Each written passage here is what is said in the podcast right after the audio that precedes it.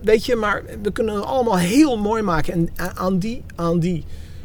Ik vind het zo een klote sfeer dat je zo in zulke vormen vaak moet drukken om maar een bepaalde image te krijgen of een bepaald eh, gevoel van heiligheid. Hè? Want daar gaat natuurlijk ook alles over. maakt je moet bijna steeds- boos Ja, ook. het wordt, je moet ook steeds heiliger worden. Je moet steeds meer dit. Maar ik ben een gebroken mens. Ik ben een fout mens. Ik ben een zondig mens. Dit lichaam, dit omhulsel, die tent van mij is zo fout. Dat wil je niet weten.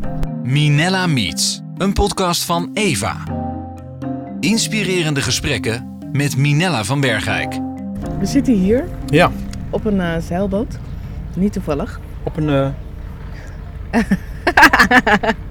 Op een boot. Laten we het woord zeilen maar weghalen. We zitten op een boot. mhm. Omdat jij gewoon John Newton bent dit jaar. Ja. Hoe leuk is dat? Ja, dat is, is een hele apart, ja. Ja. ja. Maar John Newton was natuurlijk... Eh, dat, dat was natuurlijk best wel een eh, man met een heel, eh, heel, heel verhaal. En ook niet, niet een groot deel van zijn leven was niet zo'n leuk verhaal. Nee. Hij was natuurlijk een, jongetje wat eh, op 11-jarige leeftijd zijn moeder al, eh, kwijtraakt. G- volgens mij kreeg ze cholera. Zijn vader was een zeeman. nou ja, eh, zeemansfamilies, dat, is, dat, dat gaat er tegenaan, laat maar zeggen. En dan word je ook nog, raak je ook nog je moeder kwijt. En nou die vader die dacht, ik ga die gast gewoon meenemen naar zee. Ja, dan ga je tussen de mannen Ja. in die tijd met drank en vrouwen en iedere avond schatje. En zo is die jongen natuurlijk groot geworden. Het was echt een... eh, en dan was het ook nog een, eh, best wel een bralman. Ja. Ja, de verhalen die, eh, die over hem zijn geschreven, die zijn ja, daarin. Hij, hij was echt iemand die. Hij vloekte alles bij elkaar. Ja. Hij vervloekte God. hij praatte mensen van het geloof af. Zo staat hij bekend, hè? Ja, het was eigenlijk een... Een ripperbait, zo zouden ze dat in Amerika zeggen. Het was echt een, eh een. Ik ben zo benieuwd wat jij... Wat jij een schuinsmarcheerder ook. Dat is een mooie titel. Maar ik ben zo benieuwd wat, wie... Ik heb zo'n gevoel dat jij best wel Ben lijkt. Of op John lijkt. Jouw moeder is overleden. Ja. Wat voor invloed heeft dat gehad op jou? Nou ja, weet je, ik. Nou, dat, kijk, dat mijn moeder overleed, dat was natuurlijk een enorme schok eh, in de eerste plaats. Ehm, want ik kwam uit, eigenlijk uit een keurig christelijk eh, gezin. Eh, in het begin nog de ge- gereformeerde kerk aan de jachtlaan in Apeldoorn. Mhm. Zat ik onder het gehoor van. eh, hoe heet die man ook alweer? Vergeten. Nou ja, maakt niet uit. Een dominee. Een dominee. Ehm, en daar, daar zaten wij eigenlijk tot ik een jaar of 15 was heel netjes in de kerk. Getrouw iedere zondag. Even een plaatje aan zo'n bruine kerk met of een bruine Juist. bankenkerk. Bruine bankenkerk rechtop. Maar het was niet een, eh, het was niet een reformatorisch. Mhm. Eh, eh, maar, eh, eh, en dat was in de tijd dat het marxisme heel erg werd gedoseerd op de universiteiten en er eh, vrij, heel veel vrijzinnige dominees Mhm. waren. En daar was mijn vader heel erg op tegen. Oh ja. En dat liet hij merken door eh, in de kerk eh, op te staan en dan, eh, dan tegen de dominee te zeggen: Dominee, u moet niet over Marx praten, u moet over de Heer Jezus praten. En daar zat jij naast? En daar zat ik naast. En dat, dat, ik voelde dat wel helemaal aankomen. Mijn moeder ook. Want ik zat eh, naast mijn vader. En dan had je mijn moeder en dan had je mijn zusje. Peter was toen nog niet geboren. Maar mijn Mhm. broertje was pas acht jaar later geboren. En dan eh, zat mijn vader, die zat dus zo. En met de pepermuntjes in zijn zak een beetje te spelen. En hij werd steeds werd hij, ehm, Onrustig? onrustiger. En dan op een gegeven moment, dan, dan, dan kon hij het niet meer houden. Dan ging hij staan en dan schreeuwde hij door de kerk. Maar dominee, u moet niet praten over... u Weet je dat? En jij dan? Jij zit daar. Jij ja, zit ik daar. was, eh, ik was 15, 16. Ik dook natuurlijk gewoon naar beneden. Want mijn vriendjes zaten ook in de kerk. En dan was het smaan. Dus, eh, Ben, weet je wel. En dan werd het natuurlijk over gepraat. Dus ik, was, ik vond dat natuurlijk niet leuk. Mijn moeder vond het al helemaal niet leuk. Wat gebeurde met je moeder? Want kijk je dan naar. Ja. Had je een blik met je Mijn, moeder moeder, zei, nog? mijn vader heette Marinus en die stootte mijn vader. Marinus, Marinus. Zo, zo, zo zat dat dan, weet je wel. En mijn moeder was natuurlijk een Indische vrouw. Dus dat was Marinus, Marinus, Marinus, Marinus, weet je. Zo, dat, dat hoorde ik dan zo. En dan op een gegeven moment was het ook niet... Dat, dat kon, het kon niet meer. Hij Eh, kon niet meer. Hij kon niet meer, en maar wij, wij, ja, we zijn toen de kerk, eh, hebben toen, eh, zijn, ja, toen zijn we, hebben we de kerk verlaten. Toen zeiden mijn ouders, nu is het de tijd dat jij zelf gaat kijken wat je wil in het leven, ook wat kerk betreft. En toen ben ik gaan kijken in verschillende kerken. Ik was toen 17. En toen kwam ik bij de vergadering van gelovigen terecht. De, de, dat waren wel de open broeders in. Apeldoorn. Maar daar hoorde ik eigenlijk voor het eerst in mijn leven hoe de Bijbel in elkaar zat. Deed Want, de vergadering was toen, eh, er zat eh, Van Stormbroek zat er. En, eh, nou ja, goed. En ik ging daar naar, eh, de, ja, ging daar naar de Bijbelstudie. Mhm. Van Ouweneel ging ik naartoe Mhm. destijds. En, meer van die makkers. En eh, ja, daar leerde ik eigenlijk praten over de Bijbel. En daar kwam ik mensen tegen die daar echt een mening over hadden. Terwijl in de Geefmeerde Kerk, waar aan de, aan de jachtlaan, eh, ja, daar zaten, daar leerde ik een biertje drinken toen ik Ah, ja, 16 wat was. Dus dat was eh, eh, een beetje, eh, er werd, ja, er zaten mensen omdat ze naar categorisatie moesten. Maar wat trof je daar aan? Oh ja, dominee Schelhaas, nu weet ik het weer. Dominee Schelhaas? dat was zijn naam, ja. Schelhaas.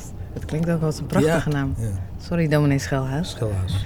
Maar dominee Schelhaas, die was, had die, wat trof je aan, die, aan de vergadering van gelovigen ten opzichte juist van dat oude jonge mensen, heel veel jonge mensen die het ook gewoon leuk vonden in de kerk, moet ik zeggen.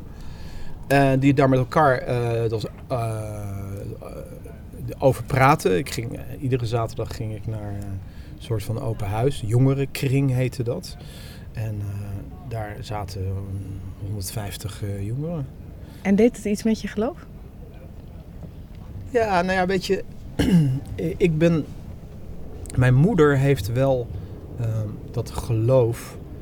ehm, mijn moeder zong altijd liedjes met me en bad met me. Mijn ouders hebben heel lang s'avonds bij ons gebeden. Ik ga slapen, ik ben moe, ik sluit mijn beide oogjes toe. Dat, en ik heb natuurlijk ook heel veel verhalen uit de Bijbel gehoord. Mhm. Ehm, dus ik ben wel heel erg. Eh, ja, om- sommige mensen zeggen, ben je heel erg christelijk? Ja, ik ben wel heel erg met geloof en Bijbel opgevoed. Ehm,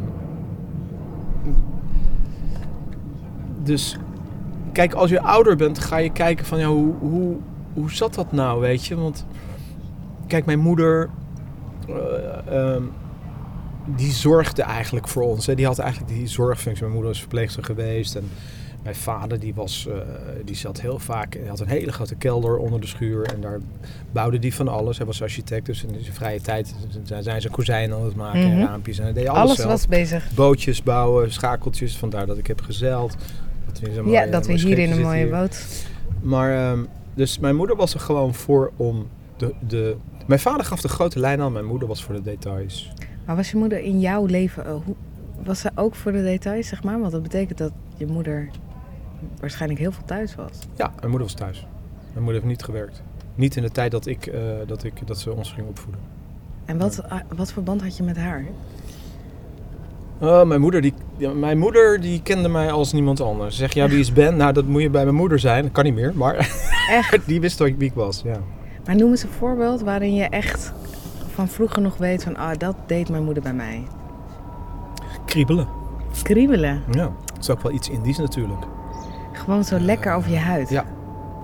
Gewoon lekker op je rug en eh, in je nek. En, eh, ehm, ja, mensen staan. Dat, dat, dat hebben wij eigenlijk meegenomen, ook naar het nieuwe gezin toen mijn vader hertrouwde. En die kinderen die zaten eerst te kijken van wat is dat? En toen ze voelden hoe lekker dat was, dat, dan zaten we op een rijtje op de bank. Zaten we allemaal zo lekker op elkaars Ja. rug te kriebelen, weet je. En als er dan mensen kwamen die dachten, wat is dit voor raar gedoe? Maar Indische mensen die, die, eh, die zijn heel Ja. eh, fysiek met handen ook, met lijf, met masseren. Terwijl ze wel heel erg. ehm, ze zijn wel heel netjes, heel proper. Mijn moeder was een hele propere vrouw. Heel schoon. Een kast met wit goed, helemaal opgesteld. Dat had ze natuurlijk ook geleerd in die verpleging. Ah, ja. Destijds was dat natuurlijk allemaal anders. Hè. Moest je het schoonmaakwerk ook doen. Maar zij streek dat dan? Zij streek het allemaal. Ik ken mijn moeder eigenlijk alleen maar van die, strijk, van die strijkbaar. Die alle onderbroek, alles, alles, alles netjes wit. En daar baalde ik van, want mijn vriendjes hadden andere kleuren onderbroeken Ach, en hemden. En hadden, en, maar ik, ik was, ja joh, ik had leren schoenen en dat moest allemaal heel netjes. En want anders kreeg ik platvoeten. En, eh, als het was echt op ze was heel detail. proper, heel erg, eh, hele nette vrouw. Hoorde Maar er wat- nooit vloeken. Eh, ze zong altijd, liep op blote voet in huis. Mijn vriendjes kwamen bij ons over de vloer. En dan dacht ik, ze komen met mij spelen. Maar nee, ze zaten bij mijn moeder in de keuken. En dan kon mijn moeder lekker met ze lullen. Maar, en dan ging ze over de Heer Jezus praten bijvoorbeeld. Maar dan konden ze ook lekker nasi, nasi rammes eten. Of nasi Nee. goreng of een satéetje of zo. Ja, daarom kwamen mijn vriendjes bij mij. Want ik was, ik was een heel lelijk mannetje.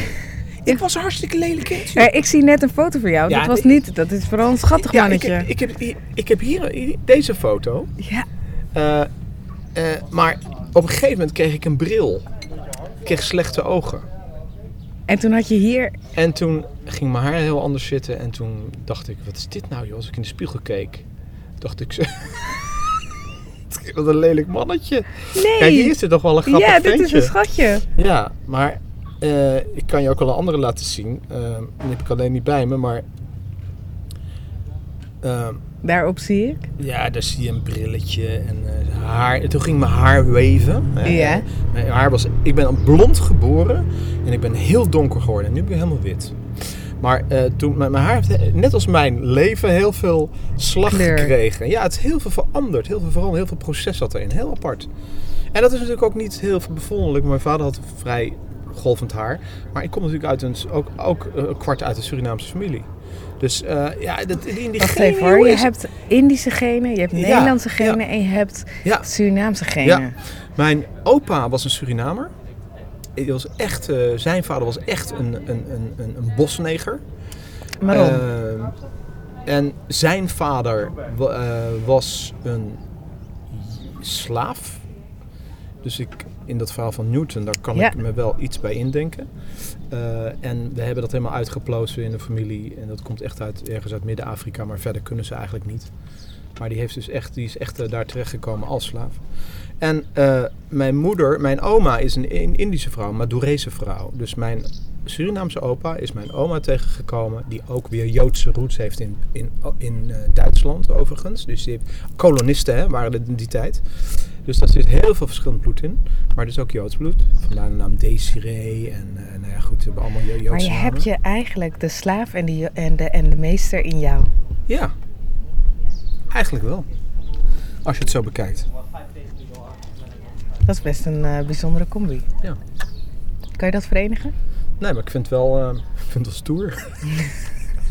ik ben ook wel, ben ook wel iemand die naar dat soort verhalen luistert en films kijkt en die stories leest. Ik denk van wauw. Er zat ook wel een soort van romantiek in. Er zat Mhm. natuurlijk heel veel drama in. Er zat heel veel verhalen in, heel veel reizen, heel veel In die films. meemaken. Ja. Ja, maar in Ja. jou, wat, wat zit er, Nou, wat dat, zit er en dat trekt jou? mij natuurlijk aan. Dat, dat, daar heb ik natuurlijk een tik van gekregen. Als je een vader hebt die van de Veluwe komt, dus ik ben Mhm. half Nederlands. Een moeder die eh, eh, komt uit een Surinaamse vader en een Indische moeder. Met daarachter een heleboel verhalen, een heleboel ellende. Mhm. Mijn overgrootvader had, geloof ik wel, zeven vrouwen in de jungle. Ja, dan is, is er in die genen van mij iets gebeurd. eh, wat eh, ja, de parameters zo zetten dat je daar natuurlijk ook een tik van meekrijgt. En ze zeggen dat wel eens van Surinaamse mannen. Ik ben natuurlijk niet een Surinaamse man. Weet je wel, die zijn dit en die zijn dat. En die hebben Ja. een vrouw en dan weet je nooit eh, dat. Eh, nou, dat is bij mij dan niet zo, want ik heb gewoon één vrouw. Maar ik heb wel een klap gekregen van die generaties. En van die genen van wat er allemaal is gebeurd in het verleden. En daar kan je natuurlijk in het begin denk je van wie ben ik nou eigenlijk? Eh, ben ik, ben ik eh, je had het net over John Newton, maar ben ik dan zo iemand? Nou, daar kan ik me niet zo mee vergelijken. Alhoewel ik wel met zijn achtergrond en met zijn avonturen natuurlijk wel iets heb. En denk van, oh ja, daar kan ik me wel wat bij voorstellen. Dat als je op zo'n schip komt, dat je dan de taal van die mensen gaat spreken. Eh, en als je je moeder kwijtraakt, dat je dan een soort Ja. rebellious-achtige van ja, waar hoor ik nou eigenlijk thuis? En dat heb ik wel gekend. Dat, toen je moeder Ja, stierf? toen mijn moeder stierf heb ik dat, heb ik dat wel, wel ervaren. Van, mijn vader verkocht na twee jaar het huis. Eh, nou, kijk, en deze foto die je hier ziet, Ja. eh, die heb ik, want als je het hebt over, nou, wat, wat, over, over je huis en over thuiskomen. Hier zie je de schuur. En dit, hierachter zit het houtschuurtje van mijn vader. En daar stookte ik altijd fikkie. Maar dat was wel mijn plekje. Dus Snap daar je? Ik speelde jij- hier in de modder. Mijn moeder was heel erg van, laat die kinderen buiten spelen. Maakt niet uit hoe ze eruit zien. We gooien ze een emmer water over de kop. Zo, eh, en ik, Benny moest altijd zijn voetjes buiten wassen. Ach. Want ik had zweet, uh, Goyan Kaki, ik had zweetvoetjes. Koyon Kaki. Ja, en, en dus ik, eh, dus, eh, maar dit was een veilige plek voor mij. En dat was na twee jaar weg. Dus geen moeder meer, geen, moeder meer, huis, geen huis meer. achtertuin. Mijn kamer was weg, de schuur was weg, eh, de, het bos achter ons huis waar ik altijd speelde was weg. Eh, er was eigenlijk niets meer. Dus ik moest op een kamer gaan. Ik ben op kamers gaan wonen toen. Maar, maar Ben, dit is... Want ik, ik zie jou en jij zegt, mijn moeder kende mij als, als niemand. Maar Ja. wie ben je dan op het moment dat je alles kwijt bent... en je bent ook nog eens de persoon Ja, kwijt die jou kent? Niet meer zoveel. Maar wat is niet meer zoveel? Ja, als je al je ankers kwijtraakt. ehm dat, is- dat is moeilijk. Dus je komt dan, ik kwam in het Arnhemse, Arnhemse terecht. En eh, kreeg een vriendinnetje, was ik heel erg verliefd op. En wat is moeilijk dan? Ehm, ja, je kon niet meer naar huis. Er was geen thuis meer. Er was, er was... Kijk, mijn vader kreeg een hele lieve vriendin. Waar hij echt gek op was. En, eh, en dat, was, al- dat was vond ik ook allemaal prima. En, en goed en fijn voor hem. En, eh, en ik, ik ben echt...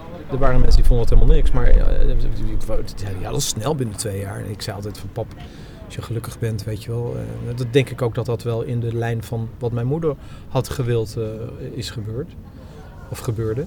Maar eh, ja, zelf ben je natuurlijk een soort van stuurloos. Stuur, zit Ja. hier, je bent een beetje stuurloos natuurlijk. je weet niet wat je wilde. Ik was natuurlijk ook nog een kind wat... eh, met al die, al die genen in me... eh, uit al die generaties... wist ik ook niet zo heel erg goed wat ik wilde. Maar wat gebeurde er met jou dan van binnen? Want ergens ben je op een gegeven moment, zit je in Arnhem. En Ja, zoeken, zoeken, veiligheid zoeken, liefde zoeken. Ik had een vriendinnetje, waren mijn ouders ook niet zo voor. Ehm, in die tijd, de, de dingen waren toen anders. Mijn vader is wel heel erg veranderd, maar in die tijd was het gewoon heel erg strikt van nou, als je gelooft, dan moet je een meisje hebben die ook gelooft. Tegenwoordig is dat toch wel weer een klein beetje anders, weet Ja. je wel. Eh, je mag niet met elkaar naar bed voordat je eh, getrouwd bent. Dat was heel streng in die tijd. En dat had ik natuurlijk allemaal meegenomen. Want ik dacht, ja, dat moet zo. Ja, toen ging het anders. Toen ontdekte Ketting de liefde. Ja, dat was het hek van de dam. Maar was het liefde Maar ik heb er geen spijt van. Ik heb ge- geen spijt van die tijd in Arnhem. Helemaal niet. Eh, ik heb ook wel een beetje het leven ontdekt en de grenzen van, eh, van, van, van ja, weet je, waar, wat kon ik nou wel maken en wat niet maken. En waar ging het goed en waar ging het dan toch wel erg heel erg verkeerd. En eh, ehm, ik werd van een heel lelijk jongetje, werd ik opeens eh, iemand die... eh, Waarvan, waarvan ik zelf dacht van nou ja, je mag er wel zijn. Dat dacht ik. Eh, meisjes krijgen was ook niet zo heel erg moeilijk. Dus, en zo ga je dan leven. Maar dat vind ik, het is, het is wel een beetje een kleine John. Misschien wel. Want, want je moeder kwijtraken is gewoon, dat doet letterlijk zeer. Voelde jij ook pijn? Ja. Ehm, ja, kijk, dat, dat was een, het was een hele bizarre tijd. Eh, ik weet nog dat ik naar huis reed door de politie. Ik zat toen in een appartement van de directeur van Meubelkeur. We hadden, ik had een eh, twee goede vriendinnen, dat was Heidi en Marion. En een vriend, Fokko heette die, was een Friese jongen. En we waren altijd met z'n drieën. En we waren een beetje uitzonderlingen op de school, want toen hadden we het al heel veel over de Bijbel, over God en over de Joden. Want Marion had Joodse achtergrond en ik Mhm. had ook een beetje een Joodse link. En we hadden heel veel discussie. En de tijd dat was de tijd van euthanasie, de tijd van abortus. Eh, eh, ehm, er was, was een heleboel aan hand in Nederland. En wij hadden daar discussies over. En er was een groepje die deed alleen maar hennep en eh hennepzaadjes en, en, en wiet en dat soort dingen. En feestjes en zo dat. En wij, waren, wij, wij zeilden daar een beetje tussendoor. Wij vonden het belangrijke dingen ook wel dat je eens goed kon praten met elkaar. Dus eh, ik zat bij Marion's vader was directeur van Meubelkeur, een hele grote meubelzaak. We zaten in Zandvoort, hij had daar een appartement, er was geen telefoon. Mhm. Om drie uur werd hij op de deur geklopt. We hadden een feestje daar met, eh, met haar eh, familie. Maar op de deur geklopt als politie. Is Ben, ben Ketting ook. Ja, die is hier. Je moet naar huis, want er is iets mis met je moeder. Nou, toen ben ik naar huis gebracht. Ik kreeg toen nog geen auto, dus ik ben naar huis gebracht. En toen kwam ik thuis en toen was mijn vader al in Zwolle. Mijn moeder had een hersenbloeding gehad. Nee. En eh, eh, ja, ik heb haar niet meer gesproken. Ik zat toen in de verpleging. Dus ik had haar al drie weken niet gezien. Ik had een wacht gehad en... eh, dus ik had haar niet gesproken meer. Ehm, dus ik reed op die 21 november. het stormde heel erg, ik weet het nog heel goed. Naar huis. Van huis, mijn vader was er niet, was al in, in Zwolle. Ehm, de volgende dag. Wij zijn toen naar Zwolle gegaan en toen bleek dat mijn moeder gewoon echt in coma lag. En je komt Eh, daar aan, wat en- zie je daar? Ja, mijn vader. En eh, die probeerde dat natuurlijk allemaal zo goed mogelijk op te vangen. Ehm, nee, dat was in 81. Eh, Dat is, hoe lang is dat geleden? 19... Bijna, bijna 40 jaar? Ja, dat is meer dan 40 jaar geleden. En eh, mijn zusje natuurlijk in die tijd. En Peter, Petertje was 14. Ja, dat was. En dan zie je je moeder daar liggen. Tong was vastgebonden. En dan liggen ze in een stabiele zijligging. En dan, eh, omdat, anders kan je stikken natuurlijk. En Sofia ziekenhuis. En ik weet nog heel goed dat ik eh, de volgende dag eh, mochten wij dan even naar onze moeder toe. En toen pakte ik zo haar vinger, weet je wel. Ja. En toen zei ik, Heere God, laat ze... ik, ze- ik heb niet gebeden dat ze beter werd, maar wel dat ze even haar vinger bewoog, zodat ze wist dat ik er was. Ik zei, mama, hier ben ik. En, eh, maar er gebeurde niks, weet je wel. Eh, eh, ze bewoog de vinger niet en moest er la- later nog wel eens over...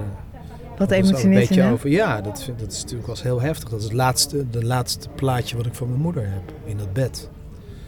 Weet je wel, bezweet voorhoofd. Een heel tenger ehm, Indische vrouw. En op dat moment besef je eigenlijk niet zo goed dat je, wat je kwijtraakte. Ehm, kijk, we hadden ons geloof. En dat, dat is. Kijk, met, dat is het verschil met John Newton. John Newton is echt een. Vanuit een, laten we zeggen, een hele heftige heiden. Is die, is, die een, is, die, is die een ander mens geworden? Is hij een gelovig mens geworden met een ander leven? En ik heb altijd wel dat geloof gehad. Ik ben natuurlijk, mijn moeder had dat in ons gelegd, als het ware. En dat ben ik nooit kwijtgeraakt. Eigenlijk in alle situaties waar ik in ben beland, ben ik nooit dat geloof verloren. Maar, maar, maar, maar, maar je, je bidt daar, ik, dat zie ik je zitten, je bidt Ja. daar, je houdt de handen vast. Ja. En het lijkt wel alsof zij reageerde niet, maar dacht je niet, God reageert niet. Nee, nee, maar misschien is dat wel nodig geweest om, om uiteindelijk het leven te leiden wat ik heb geleid. En om dat mee te maken en dat eigenlijk gezien te hebben wat ik heb gezien. Eh, in de wereld, in eh, het leed wat kinderen aangedaan wordt, eh, mensen, ja, landen, Rwanda, verhalen. En om, om die stabiliteit te houden, om niet met alle winden mee te waaien. En ik denk dat als ik, als ik mijn moeder ergens voor kan bedanken, is het daarvoor dat ik, eh, dat ik die, die basis, dat solide vertrouwen als een kind eigenlijk, heb geleerd in mijn leven. En dat heb ik nooit kwijtgeraakt. En misschien is het wel daardoor dat ik de dogmatieke, de, de, de, de, de, de, de, de discussies over, ehm, over geloof en over geloofszaken. Als je het hebt over homofilie, abortus, euthanasie, eh, alle ehm, moeilijke eh, dingen die, waar mensen mee vechten en waarmee ze in knoop komen met hun geloof. Of waarvan ze denken van mag dat wel of ben ik nou goed bezig? Moet ik dat allemaal niet doen? Eh, Weet je wel, ik, ik heb gelukkig die basis waarvan ik dan denk van waar het om gaat is dat God net zo van je houdt als mijn moeder van mij.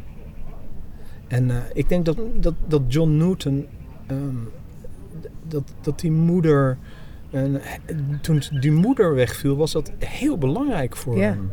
Eh, die man die was op zee, die moeder zorgde voor dat gezin, die waren thuis met die kinderen. En eh, die, die, die vader die was maandenlang weg op zee. Nou ja, ik heb een gezin gekend later. Die man die was eh, zeeman, is net overleden. Die kinderen hebben het lastig gehad omdat die vader altijd weg was. Als hij terugkwam was hij cadeautjes papa. Maar ja, die kon niet zeggen van dat doe je niet goed en dat moet je om. Nee, want die was er nooit. Dus die moeder, Erika, was heel belangrijk in het leven van die kinderen. En, eh, en, eh, en, en op een of andere manier herken ik dat. Niet dat mijn vader niet was, maar mijn vader was wel altijd bezig. Die was altijd in de kelder. Mijn moeder moest hem roepen, dan werd de koffie koud. Mm. En dan Marines, kom nou, kom nou. En dan werd ze boos. En eh, weet je wel, van, je bent altijd bezig. En, eh, en dan kwam die weer onder de verf. Of dan stinken naar terpentine. En eh, weet je, dat, onder het zaagsel. En, en dan kwam die binnen. En dan, eh, ja, dan dronk hij zijn koude koffie op. En dan ging hij weer weg. En dat is mijn vader. Want hij had natuurlijk... Ik weet niet of je dat ouderwets kan noemen, maar hij had natuurlijk wel bepaalde gedachten over hoe je moest leven. En ik was dan natuurlijk gewoon, eh, ik, ik, ik deed daar dan niet zo heel erg aan volgens hem, eh, denk ik. Hij heeft dat nooit gezegd tegen mij hoor, maar hij, hij deed heel van, eh, ja, dan zit hij ben op kamers en hij woont dan half samen. En van, is dat nou wel wat? En hij gaat muziek doen, maar wat is dat dan precies? Oh ja, en precies. zit in bandjes, maar kan je daar de kost mee verdienen? Mijn vader, moet je niet vergeten, dat mijn vader die heeft, die was 18, 19 toen hij uit die oorlog kwam. En die heeft via PBNA-cursussen, dus schriftelijk, heeft hij zijn opleiding allemaal gedaan. Want mijn opa en oma hadden geen geld. Eh, In de avond ook of zo. Avond. Mijn vader, de zin die mijn vader altijd zei is van... Ben, als mijn vrienden naar de dancing gingen... De dancing, zo heette dat nog. La Bordelaise in Apeldoorn. De dancing. Dan zat ik op een koud kamertje... En er was geen verwarming boven te leren. En zo is hij architect geworden. En hij heeft, en hij heeft het goed gedaan. Maar hij dacht, wat doet mijn zoon met zijn leven? En mijn zoon die, was, die zat dan op die piano, want dat had hij trouwens zelf geregeld. Want ik kreeg eerst een orgel en dan vond ik niks aan. Toen kreeg ik een piano en dat vond ik wel leuk. En toen ging ik dus improviseren, toen ging schrijven. En we hadden een garage thuis. Mijn vader had, eh, bouwde ook gitaartjes eh, in die tijd dat hij bij mijn opa in de schuur, achter in de meubelschuur werkte. En dan vond ik een oude gitaar op zolder en dan stond ik in een lege garage. Had hij zijn auto naar buiten gereden. Stond ik in een lege betonnen garage. Stond ik te zingen met één snaar op de gitaar. En dan zat ik gewoon teksten in het Engels. Ik weet niet wat ik allemaal zei. Het was een soort van eh, fantasietaal. Maar dan deed ik al net alsof ik stond te performen voor mensen stond te zingen. En toen was Dat- ik heel jong. Echt? Ja. Kijk, weet je, er zijn altijd mensen die zeggen dan, als je, eh, die singer-songwriters, die, of als je bij eh The Voice, noem maar op, dan zeggen ze, of, of grote artiesten, die zeggen dan, ja, ik was vier toen ik al zong. Of toen ik al optrad. En dan denk ik altijd van, ja, ja, weet je, ja, dan zing je eens op een bruiloft een liedje, weet je. Maar kom op, doe even normaal. Maar ehm, eh, eh, ja, ik was een jaar of zeven en dan stond ik, eh, niemand het zag het, maar ik deed het wel. En ik vond het helemaal te gek. Want het Maar dat was apart. ook een soort meant to be dan. Nou ja, ik wist natuurlijk wel vrij snel dat ik niet een soort van loodgieter ging worden. Of, een, of, of timmerman. Of, of achter een computer ging zitten. Dat, dat wist ik. Maar wat ik dan wel zou doen. Kijk, mensen die een. eh, laten we zeggen, als je creatief bent. De creatieven hebben het altijd lastig in hun jeugd. Ja. Want wat moet je nou en hoe ga je nou je geld verdienen? Dat is iets wat, waar je inrolt, waar je, eh, dat, is- dat is een proces wat je meemaakt, ook in je eigen leven, in je ontwikkeling, op allerlei vlakken. Maar ook in je creativiteit, waarin Ja. je de kansen moet krijgen en waarin je moet leren, waarin je op je bek moet gaan, keihard. Keihard. Ik heb echt, ik heb toen ik ehm, al een tijdje zong, we hadden een plaat gemaakt. In die tijd waren er nog LP's. En eh, toen moesten we naar Los Vast. Dat was een hele grote happening in Nederland met heel veel Nederlandse artiesten. En daar stonden de meisjes tegen de dranghekken aan en stonden de ambulances buiten. Want het was, er werd heel veel geduwd en dat ging altijd fout. En toen moest ik zingen. We hadden een favorietschijf. Freedom heette dat. En toen zongen we dat, zong ik dat. En toen zag je al die mensen massa en die stonden een beetje mee te blaren. En toen dacht ik van ja, maar dit gaat eigenlijk over een hele andere freedom als dat jullie denken. Eh, want dat ging, in principe ging het over eh, de apartheid. Eh, en met daaraan in mijn verhaal een geloof gekoppeld. Van wat is nou werkelijk vrij zijn.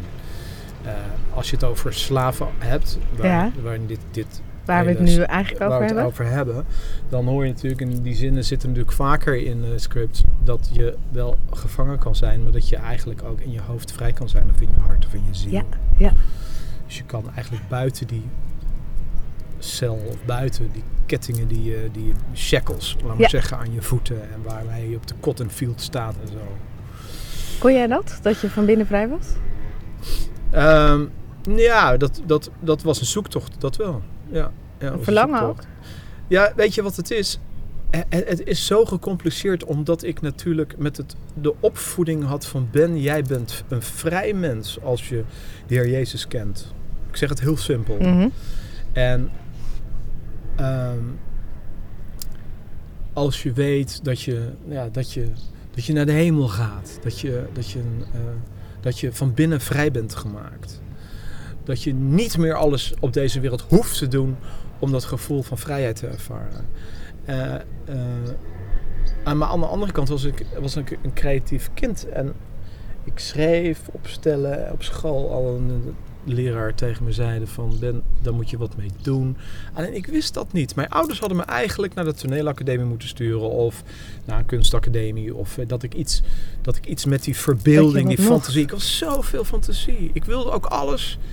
Als kind sloopte ik alles uit elkaar. Mijn opa had een schuurtje waar mijn vader destijds in Ja. werkte. En er stonden oude radio's, platenspelers, telefoons. Al, al- en ik sloopte het allemaal uit. Ik wilde allemaal weten wat erin zat. En alle schroefjes, En dat wilde ik moertjes, van mensen je. ook. Ik wilde weten wie ben jij. Meisjes ook natuurlijk. Dus wat leuk, wat een leuke, wat een leuke giet dacht ik dan. Weet je, wat een leuk koppie. En, eh, eh, en ik werd snel verliefd. En, eh, maar ik was vooral geïnteresseerd natuurlijk in wat- ja, wat, wat, wat drijft die mensen. Wat, wat, wat. En dat, daarom is uiteindelijk alles zo in een bepaalde... eh, daarom kwam ik toen ik bij de EO terecht kwam. Eerst bij de NCV, later bij de EO. eh, is eigenlijk dat wat erin zat. Dat, die, dat muzikale, maar ook dat interesse. Dat human interest eigenlijk. Dat. En wat ik in dat, in dat leven wat ik daarvoor had geleefd, eh, waarin ik had veel gereisd, met de Doelos logos mee, ehm, ehm, Amerika gezeten. Allemaal Nou hele ah, nette dingen. ah, ja, allemaal nette dingen. Ehm, kon ik eigenlijk allemaal kwijt. Maar in het sp- praten met mensen, in de interviews en destijds met kinderen, die niet allemaal uit een gelovig huis kwamen, of een kerkelijk huis, eh, eh, en, en van alles hadden meegemaakt, dat herkende ik ook wel weer. Daar associeerde ik ook heel erg goed mee. Dus ik ben nooit als een soort van. Ik denk dat de enige keer dat ik in de stad stond met een foldertje Ken je Jezus, was toen ik in de koffiebar de fakkel in Apeldoorn zat. Toen was ik 17, toen mocht ik niet uit van mijn ouders, maar ik mocht wel naar de fakkel. en daar zat ik heel netjes op een stoeltje met mijn brilletje en mijn kuifje te kijken naar eh, wat bandjes die er speelden met gitaar. En eh, nou, ja, dat was een beetje in de, in de, in de, in de eh, One Way Day-achtige stijl. En daar zat ik dan, en dat was dan mijn uitje van in de week. En als ik een pukkel had, dan ging ik niet, want dan schaamde ik me. Bleef ik thuis. We hadden natuurlijk allemaal graag gewild dat je die bent Ja, was gebleven. dan zag ik allemaal mooie meiden. En dan keek je alleen Ik maar zag naar. die meid van Hoekendijk, die had al verkering. Ben Hoekendijk, die leeft niet meer. Vond ik zo mooi. Maar ik was, ik was heel lelijk. En ze, bovendien had ze verkeerd. Dus ik zat altijd een beetje in een hoekje. Ik heb een foto ehm, van een juniorenkamp waar ik naartoe ging. Daar zitten allemaal mensen, jongens in die tijd met van die paarse kopjes, weet je wel. En eh, leuke van die, van die, van die, van die soulbroeken aan. Maar ik zit dan in een hoekje en ik kijk eigenlijk naar al die hippe jongens en meisjes om me heen. En ik denk, ja, ik. eh, Maar je was er geen bij. deel van. Maar nee, ik was er geen deel van. Maar als er geëntertained moest worden, dan veranderde de ketting en dan moesten ze Ben hebben. En zo is het geweest. Dus jij kwam dan van achteruit die stoelen. Ik En wist liefde precies wat er moest gebeuren om de sfeer te maken. Ik wist precies wat mensen. En dan hadden hun een lol en ik speelde piano of ik zong. Maar je moest, jij leverde dan. Ik leverde. Ja, ik produceerde. Maar Ben, wanneer... Want ik zie dan die, die... Ergens gaat die parallel nog steeds op. Die John, eh, die, gaat, die gaat varen, ruw, wild. En aan de andere kant doet hij het ook heel goed. Want hij heeft een hele goede... Ook al gaat er... De, er is een hele slechte kant, maar Mhm. tegelijkertijd wordt hij heel rijk. Ja. Eh, en dan zijn dieptepunt komt steeds dieper en dieper en later en later. Maar ogenschijnlijk viel dat nog best wel relatief mee. Als je hem Ja. niet kende van een afstandje, had hij het best wel goed voor elkaar. Ja. Wanneer was zijn dieptepunt en wanneer was jouw dieptepunt? Ja, maar dit was een dieptepunt. Lieve kijkbuiskinderen. dat willen we nou wel eens weten. Weet je, eh, ik zeg altijd... ehm, je moet iets vertellen als je denkt dat de ander daar wat aan hebt, heeft. Dus je moet iets vertellen als je denkt dat een ander... Als het edifying is. Als het iets teweeg brengt waar je iets mee kan. Ja. Als je alleen maar iets vertelt waarvan je denkt... Goh, wat een smeuig verhaal. Eh, en wat een, eh, wat, eh, wat, wat een ellende of wat, wat, wat fout of wat. en, en, en, je, en je gaat het aan je vriendin vertellen. die op je kamer zit bij het Eva Weekend bijvoorbeeld, ik noem maar even wat. Mhm. Dan denk ik dat je de plank hebt misgeslagen als, als, als, als verhaalverteller. Laat maar Het gaat me niet om de smeuigheid, Nee. maar het gaat me Nou ja, om kijk, om... een, een- een moeilijke periode was toen ik een kind kreeg. En ik was nog niet getrouwd. Dat was heel lastig. Daar heb ik mensen verdriet mee gedaan, pijn mee gedaan. Eh, eh, en achteraf denk je, ja, weet je, dat in de Bijbel staat van, joh, weet je, ga nou eerst eens eh, een verband aan met elkaar en ga dan kinderen krijgen. Ik laat even in het midden wat voor verband, Mm. wat voor verbond dat dan moet zijn. Daar laat ik even in het midden. Maar ehm, vind ik ook niet zo heel erg belangrijk op dit moment. Maar, maar dat je het andersom doet, wat Kim en ik deden, dat werkt niet. We waren wel verschrikkelijk verliefd. En eh, dan kregen we natuurlijk een liefdesbaby. En dat was een. eh, dat weten niet zo heel veel mensen. En dat hoeft ook niet. Want het is. Hoe lang is dat geleden? Eh, 23 jaar of zo. En dan. En dan eh, als je dat meemaakt, dan. ehm, dan ga je met, moet je met de billen bloot. Ja, Ja. En dan denk je, ja, is dat nou zo erg? Een heleboel mensen zeiden, ja Ben, als dat niet was gebeurd... Een collega van me bij de EO zei, Ben, als dat niet was gebeurd, was je nooit getrouwd. Dus eh, nou ja, dat is, dat is haar mening. Maar eh, gelukkig is het wel allemaal goed gekomen. Maar er was wel een periode waarin ik eh, natuurlijk met een soort van geheim leefde. En ja, waar ik niet heel erg trots op ben in die zin. maar wat doet dan... Want ik denk, oké, dit, is, dit, is, dit is het verhaal waaraan het gekoppeld was. Maar waarom was het voor jou, voor jou Ben, een dieptepunt? Dus iets... Nou ja, omdat ik denk dat op het moment dat je zwanger wordt, dat dat een hoogtepunt moet zijn. Op het moment dat je samen kinderen krijgt, eh, is het in de meeste gevallen denk ik zo dat je daar heel blij mee bent. En het was voor mij denk ik van, oké, wat ga ik nu doen? Dus eh, even los van het feit dat ik uiteindelijk hartstikke blij was en, eh, met, met, met mijn zoon. En dat het allemaal wel goed is gekomen. Maar het heeft wel effect gehad natuurlijk. Er is niets in je leven, geen enkele beslissing die je maakt van belang, die nooit effect heeft in, in, eh, voor de rest van je leven. En, eh, of voor later in je leven. Dus eh, je werkt met een terugwerkende kracht. Kijk, wat nou. En alles is in mijn leven anders gegaan hoor. Ik bedoel, dit is niet van, oh, dit is eh, iets, iets wat, eh, oh, weet je wel, dat is een dingetje. Maar ik, ik heb heel veel dingen in mijn leven zijn net een beetje anders gegaan dan bij de rest van de mensen die ik kende. Of met bij mijn vrienden die al heel snel een baan hadden en Ja. een huis kochten. Ik zat in Amerika op de bühne te spelen met een band. Ik vloog in vliegtuig, zat in hotels, ik at in alle restaurants. Ja, Dat is zo'n ander Ook leven. Oh, dat is raar. Ja, dat is ook raar. Dat is ook raar. Ik had, ik, ik- dus eh, ehm, ik ben er maar een beetje van afgestapt om te zeggen van om terug te kijken en om al die dingen aan te wijzen als een soort eh, behang wat uitgerold wordt. En Sorry, daar ben, ik, daar ben ik nog eens bang voor geweest dat ik later in de hemel zou komen en dat God dan zei: Hier heb ik een rol behang. Dat rol ik even uit en dan helemaal aan het einde van, eh, van, van de weg. Dan gaat ze dan al die dingen van Ben, al die dingen van Ben. En dat is trouwens niet alleen van Ben, dat is met familie de mens dan. Maar bij mij zou, gaat ze dat dan op en neer als een soort hartslag die, eh, die van boven naar beneden gaat. Zo. En wanneer komt er nou eens ehm, een soort van stabiliteit? Nou, die heb ik gekregen toen ik ging trouwen eigenlijk. Toen, toen, eh, toen, toen ik met Kim, toen Kim hier kwam wonen en wij kinderen kregen toen. Want je vrouw komt uit Amerika, Ja, dat toch? is Amerikaans. Dus, dus dat was ook een lastige natuurlijk. Ja. Daar kwam ik niet, daar ging je niet even naartoe. Nee. Dus, en in die tijd was de EO nog een soort Sanhedrin. Met twaalf eh, eh, mensen aan een ovale tafel in het pak. Eh, die, eh, waar je dan eh, waar je naartoe moest als je ging solliciteren. Dan moest je dan goedgekeurd worden. Dan ging je helemaal eh, over horen over de kerkelijke kaart van Nederland. En wat deed het Sanhedrin met jou? Nou ja, in die tijd, eh, toen ik eh, ging solliciteren, sp- spring een beetje op hak op tak, maar is niet erg. Toen ik ging solliciteren was dat wel oké, want ik kende de kerkelijke kaart wel. Mhm. Natuurlijk. Ja, je had een heel danken. mooi... Ja, maar ehm, eh, toen, toen dit gebeurde, moest ik natuurlijk wel vier keer naar de directie toe. maar hoe... Hoe, kijk, we gaan van feit naar feit, is prachtig. Maar wat dan, jij komt er vandaan of je gaat er naartoe, wat doe je op de wc? Ja, heel hard bidden. Ja? Zweten. Ja, ik, wil, ik, ik had natuurlijk gewoon een prachtige baan. En eh, dan moet je, kijk, eh, de EO is enorm veranderd. Enorm veranderd. Er is een verschil, ik zou bijna zeggen, dag en nacht. Eh, er gebeuren nog steeds hele mooie dingen bij de EO. Eh, maar er gebeuren ook dingen bij de EO die toen niet gebeurden. Of die toen in het geheim gebeurden. Mensen gingen met elkaar naar bed. Mensen gingen scheiden. Mensen hadden van allerlei relaties. Homo's was... Een, dat mocht je niet eens uitspreken in de gang. Dan eh, werd er omgekeken. Ik liep een keer met een collega door de gang. Een homo-collega. Later uit de kast gekomen. En eh, die zei tegen mij, die belde mij op een gegeven moment en zei: hey ben, Wij liepen toen door de gang. En toen, nee, jij liep door de gang.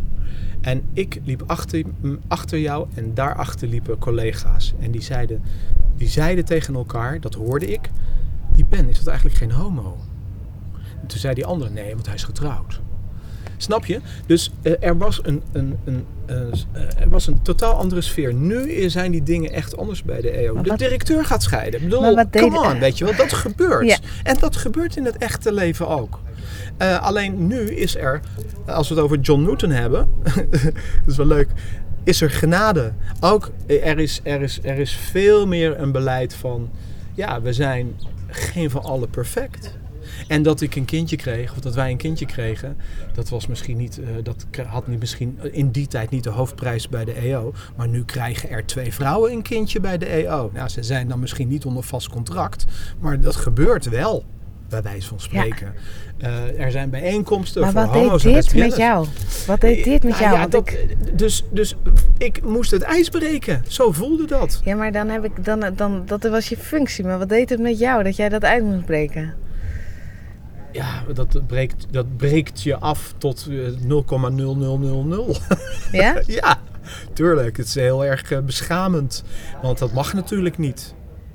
Je gaat niet eerst kinderen krijgen en dan trouwen. En, eh, ja, weet je... ehm, Wat blijft er ja, er waren nog een paar andere dingen. Maar goed, weet je, ik wil het... eh, laat het hierbij houden. Ja, maar wat, wat blijft er dan over?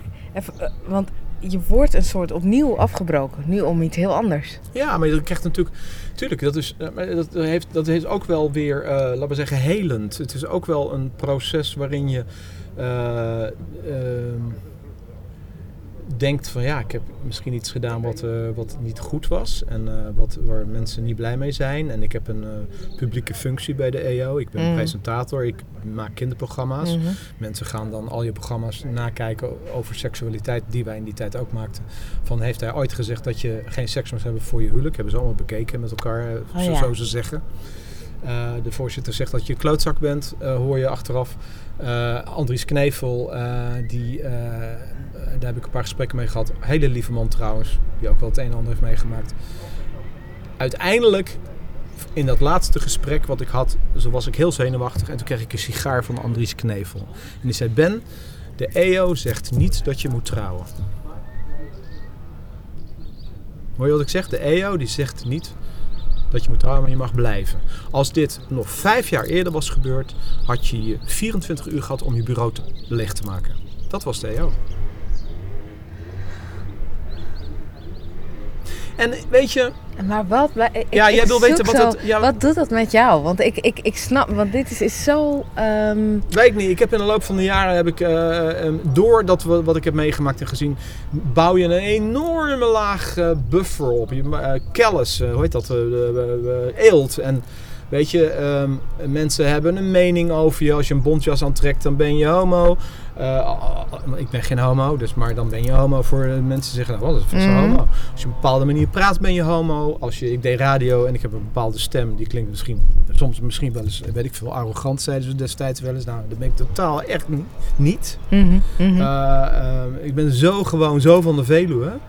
Dus, dus ik had zoiets van, oh, dat gebeurde allemaal. En, en, en als je in de picture staat, dan krijg je altijd die mensen die het over je Ja. hebben. Als ik bij de Bruna stond en ik stond te dicht bij de Playboy, dan moest je oppassen dat je niet naar boven keek. Want eh, de volgende dag werd er gezegd, van, die Ben Ketting die kijkt naar, in de, in die de, Playboy te kijken. Dus dat, dat, dat, hè, want je zit op Ja. televisie, je bent met kinderen bezig, heel erg Dus er zitten heel veel lagen op heel veel, ja, maar de- dat hebben mensen niet door. Ze zeggen dan, ja, het is een glazen stolp. Nou, toen wij hulp kregen eh, later in ons leven eh, in, met een gezinstherapeut en, en dat soort dingen. Toen ja, moet, je, moet je zoeken naar mensen die zeggen, ja, ja, ja, ja, ik, ik wil het toch allemaal niet oud en open hebben. En het moet allemaal een beetje bedekt zijn. Nou, en daar ben ik nu klaar mee, anders had ik het gesprek niet met jou gehad. Nee. Eh, want nogmaals,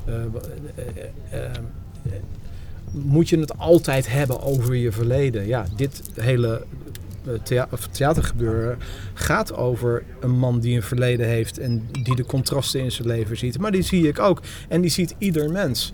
Uh, weet je wel, jij hebt jouw dingen heb beleefd. Jij hebt Ja. ze ook. Weet Ja. je wel, jij komt ook uit een totaal ander land. Uh, uh, je hebt dat, dat bloed in je, je hebt die genen in je, je komt in Nederland. Uh, en en, uh, de, en dat, dat geldt, dat heeft ieder mens herkent daar dingen in. En dat is wat ik heb moeten leren. Ook toen later mijn zoon de verslaving in ging eigenlijk, ging te veel in de wiet. Uh, wat ik heb moeten leren is dat je altijd moet kijken, wat is er nou gebeurd met mij, met, met in je huwelijk, als ouder, als jongetje. Als, uh, en en, en wat, wat, wat, heeft dat wat betekent dat voor de rest van je leven? Wa waarom ben ik zo geworden als ik ben? Daar kan je heel erg in doordraven. Er zijn mensen, daar kun je hele sessies aan Mm. ophangen. Daar heb ik niet zo heel veel zin in, want ik ben niet ontevreden. Ik ben niet boos. Ik ben niet bitter.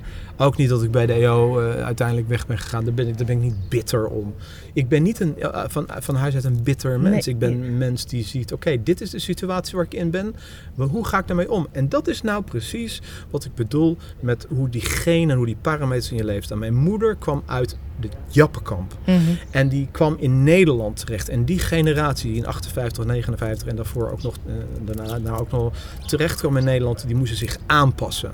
Keihard. De Nederlanders passen zich nu aan aan de mensen die hier komen. Maar toen pasten de mensen zich aan aan het land. Mm -hmm. Dus mijn moeder zei, niet te veel opvallen, niet te gek. Uh, netjes, ja, nee, meneer. Weet je wel, uh, waarden en normen, uh, goed opgevoed. Je hebt eigenlijk... Maar... Snap je het nog? Ja, ja ik snap het. En ik, ik, ik zie ook dat je je hele context bewijst van... op een bepaalde manier... Nou ja, je bent hem overstegen. Je hebt er niet de grappen gegooid, maar je bent hem wel overstegen. Ja, misschien wel, ja. Ja, het is... ik denk dat dat hele... Uh, um, dat zeg maar die basis goed is geweest in mij. Dat het heeft mij gered. Ik denk als mijn moeder en mijn vader niet gelovig was geweest... was ik nu... Uh, had ik in, uh, was ik naar de maffia gegaan, denk ik. Ah, ja. Was drugs gedeeld of ik had, uh, ik had zo'n enorme sloep gehad. Weet Waar ik heb wat. je de keuze gemaakt om het goed te doen? Want ergens zit er... Dan gaan we hem rondmaken naar John Newton. Die, die, die ontving de genade bijna. Mm -hmm. En een van de mooie dingen aan jou vind ik inderdaad... Jij, jij hebt geleefd. Ja. Uh, en het leven heeft jou geleefd. Maar er zit ook iets heel vol genadigs in jou. In Ja. alle woorden. Waar zit Ja. dat dan in? Um, nou ja, die genade is denk ik dat ik, hoe ik ook ben geweest en hoe een mens ook is. En ik ben nog maar, een lachertje in mijn leven. Wat vergeleken bij John Newton, laten we eerlijk zijn. Um, maar hoe het ook is. Um, kijk, Psalm 23 zegt het eigenlijk, denk ik, heel mooi. Je hebt hem bi- hierbij, hè? Ja, de Bijbel. ja, Wil je hem eens voorlezen? Ja, Is dit jouw kleine bijbeltje van dit is van vroeger? mijn moeder. Ah, van je moeder. Dat heb ik van mijn moeder uh, geërfd. Even kijken. Um, Met een prachtig rood koord zit erin. Ja. Heeft zij dat erin gedaan? En er staan ook nog aantekeningen van haar. Nee. haar handschrift. Dus is natuurlijk heel erg leuk om dat uh, heel net handschrift. En welke, welke, welke, waar kijk je nog wel eens naar? Waar blader je wel eens heen? Dat ja, je denkt, ik, dit bijbeltje heb ik opnieuw laten binden, want het lag helemaal uit elkaar. En uh, ik gebruik het eigenlijk heel weinig hoor. Het ligt tot de vleugel. Uh, uh, en soms dan kijk ik er wel eens naar en dan lees ik er wel eens even wat in. Ik kijk vooral naar van wat heeft ze nou bij de teksten geschreven. mm, Ja, die Psalm 23 is natuurlijk een hele bekende ps- psalm eh, waarvan je zegt, wat kan je daar dan nog over zeggen? Nou, er is eigenlijk nog heel veel over te zeggen, maar uh, je zegt wel genade. Wat, wat, dat hele genadeverhaal is voor mij... nou, ik zal hem even lezen, een klein stukje. De Heer is mijn herder, mij ontbreekt niets. Hij doet mij nederliggen in grazige weiden. Hij voert mij in rustige wateren. Hij verkwikt mijn ziel. Hij leidt mij in de rechte sporen om zijn naams wil. En dan, zelfs al ga ik door een dal van diepe duisternis, ik vrees geen kwaad, want gij zijt bij mij. En dat is denk ik uh, wat ik hier zo mooi aan vind. Dat of je nou in dat dal zit of of je nou op een berg zit, eigenlijk in al die pieken en dalen van het leven, dat de Heer zegt: Ik ben erbij. Als jij van mij houdt en ik hou van jou, dan ben ik erbij. Kijk, je kan natuurlijk zeggen van eh, ik, ik, ik, ik, ik laat God uit mijn leven. Dan heb je sowieso, dan heb je daar waarschijnlijk ook niets van te verwachten. Of dan heb je daar niets mee. En dan mis je het waarschijnlijk ook niet. Hè? Dat, dat, dat kan ik heel goed begrijpen dat mensen zeggen, wat moet ik met God natuurlijk? Nee, als je niet, die liefde heb je dan niet. Dat, dat ken je, herken je Mm. niet. Maar ik herken dat wel. En dus op het moment dat ik in, in de dalen van mijn leven ga kijken, en dat was toen mijn moeder overleed, met anderen, ook toen ik ernstige dingen zag, toen mijn zoon eh, eh, ging leiden van ik dacht, moet je dat nou doen? Toen dacht ik, ja, eh, weet je, ik kan daar een heleboel over vinden en ik kan daar heel verdrietig om worden, maar ik weet één ding, dat God bij me is en dat hij omdat hij genade heeft gehad op mijn leven, hoe ik ook ben en wat ik ook allemaal uitspook in de eer. Mm. Het is zelfs zo dat de Heer God zegt van weet je, alles wat je fout hebt gedaan, dat zie ik eigenlijk helemaal niet. Want ik zie jou aan in de Heer Jezus. Als ik naar jou kijk, zie ik mijn zoon. Nou, wat is er nou genadevoller dan dat? Als ik naar jou kijk, zie ik mijn zoon. En zo leef ik, zo, zo werk ik, zo schrijf ik. Ik ben met een boek bezig waarin ik het leven van mijn zoon een beetje Ja, want- beschrijf. Ik, ik, het mooie vind ik, ik, ik wil zo naar Caleb, dat is Ja. je zoon hè. Ehm, ik zie ook de genade doorgeven. Je schrijft nu een boek. Ja, Eh, eh, je hebt in een eerder interview verteld dat je zoon aan drugs is geweest. Je noemde het net al kort. Maar eigenlijk zit daar de hele strekking van ehm, ook weer dat doorgeven van de genade, maar wel op een andere manier. Want je, pakt, je gaat de rauwigheid niet aan, eh, nee, uit de weg. nee. Je gaat hem vol aan. Nou ja, als je als, eh, als ouders, eh, laat, laat ik het maar even gewoon kerkelijk noemen of gelovig wat je wil. Eh, als je je kinderen opvoedt, en ik ben er nu een heleboel tegengekomen, ouders. eh, nou ja, goed, ik ben nu eh, eh, 58. Ehm, maar eh, de mensen die kinderen hebben van rond de 17 zijn dan vaak net ietsjes jonger, de, de meeste. Ja, die, die, die bellen dan of die gaan mailen van hey Ben, ik, eh, ik werk voor die en die christelijke organisatie. en mij- Of, of, ik, of en mijn kind is van de drugs, 11 jaar, 12 jaar. Die bellen jou op. Ja. En waarom bellen ze jou? Nou, die hebben dan gelezen dat ik daarover spreek of dat ik daarover wat zeg. Of dat ik over dat ik met een boek bezig ben. Omdat je open bent eigenlijk. Ja, nou, en dat is, weet je, weet je wat het is? Kijk, ik zit hier natuurlijk niet, ik zit hier helemaal niet trots te zijn op dingen die je in je leven niet goed doet. Maar dat doet niemand, weet je wel. We hebben allemaal een verleden. We zijn allemaal, hebben we dingen meegemaakt waarvan we denken, ja, dat had ik net iets anders moeten aanpakken. En dat heb ik ook. Maar ehm, eh, wat, wat ik wel belangrijk vind, is dat wat je vertelt, dat mensen daar iets mee kunnen. Dus ik wilde die negativiteit van mijn zoon. Anders was ik helemaal niet over begonnen. Dan had ik gedacht, net als al die andere eh, christelijke leiders in Nederland... die nooit willen praten Mm. over wat hun kinderen meemaken. Mm. Ook al krijgen ze kinderen, worden ze homo of zijn ze homo... of eh, eh, maken ze van allerlei... Ja. Of, of bi, of weet ik veel wat. Van alles is er aan de hand, hè? Ja. Of, of bellen ze de politie omdat ze zeggen... mijn vader slaat me. Ja. Ja, dat gebeurt allemaal. Nee, ook in het kerkelijke kaartje van Nederland. Maar niet anders Maar niemand dan... wil daar echt over, iets over vertellen. Omdat ze dat dan voor hun kinderen niet leuk vinden. Of hun kinderen willen dat niet. Of ze, willen, ze staan zelf voor een gemeente en denken... nou, is misschien niet zo slim als we dat doen. This is band, man. Dit- Dit is wat je krijgt. Vind je het leuk? Nou, dan vind je het leuk. Als je het niet leuk vindt, nou, dan gaan we iets, iemand anders opzoeken. Maar ik werk wel graag voor je. En ik schrijf ook graag voor je. En ik zing ook graag voor je. En ik schrijf graag verhalen. En ik, ik, ik maak dingen voor je. En dan is dat wel het echte leven wat ook rauw kan zijn. Mijn vader die stond in de sluur en dan sloeg hij op zijn vinger en zei verdomme. Hij was wel een gelovig mens. Ja. En als ik me daarvoor moet schamen, als ik moet, oh, zo? Oh. Moet je horen wat mijn kinderen allemaal zeggen? Nou, ik denk dat, dat, dat eh, mensen die dit zien, die kinderen, eh, die kunnen er ook wat van. En jijzelf ook.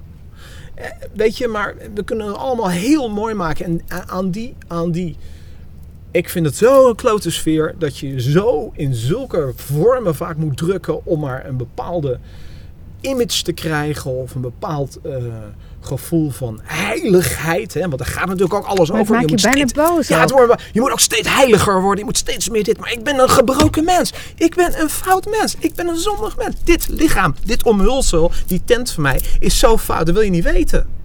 En dan kan je wel streven om op het moment dat je God beter leert kennen en het leven beter leert kennen en de waarden en normen beter leert verstaan. Dat je, dat je, dat je, een, dat je, je, leven, dat je leven gaat shapen en dat het, Aha. dat het, dat het vorm gaat krijgen en dat, dat, dat je het leert. Maar uiteindelijk blijf je een zondig, een zondige scheepje. scheepje. Toch? Ja, Met, eh, met, Vol. met- ja. Maar Dus- niet... Maar, maar en, en als mensen dan zeggen van ja, maar ik, ik heb dit en dit meegemaakt. Of ik, ik, ik maak nu. Ik heb het laatst met Kinga Ban gehad. Kinga Ban is overleden. Ik heb ik, de afgelopen jaar. Ik weet niet hoeveel mensen begraven. Jonge mensen en wat oudere mensen. Maar ook mensen waarvan je denkt: ja, die, dit is nog niet, niet zijn tijd.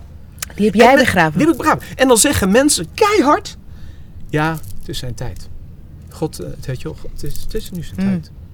Als je 36 jaar bent, 40 jaar bent en je hebt kinderen, Dan is het het dan niet je tijd. Zo niet je tijd. En ik denk dan, verdomme, denk ik dan, sorry dat ik dat zeg, hè. Maar dat meen ik echt uit de grond van mijn hart.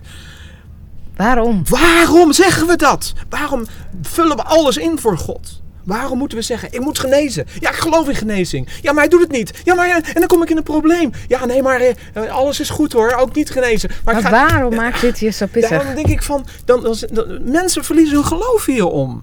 Mensen raken hiervan in de stress. Mensen worden hier bedroefd. Om mensen eh, eh, eh, ehm, eh, raken in een depressie. Mensen snappen dat allemaal niet hoe God werkt. Ik krijg heel veel vragen en dan denk ik...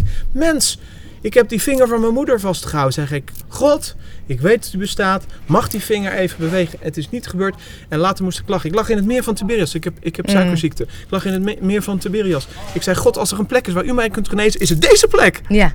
En? En ik ging naar mijn hotelkamer s'avonds en ik ging mijn eh, bloedglucose meten. Was nog steeds hoog. En ik moest een beetje zeggen, God, weet je God, het hoeft niet. Het hoeft ook niet. Want dit leven is niet perfect. En ik ben niet perfect. En mijn gezond is niet perfect. Ik kan morgen te horen krijgen dat ik darmkanker heb. En dan? En moet ik dan boos worden op God?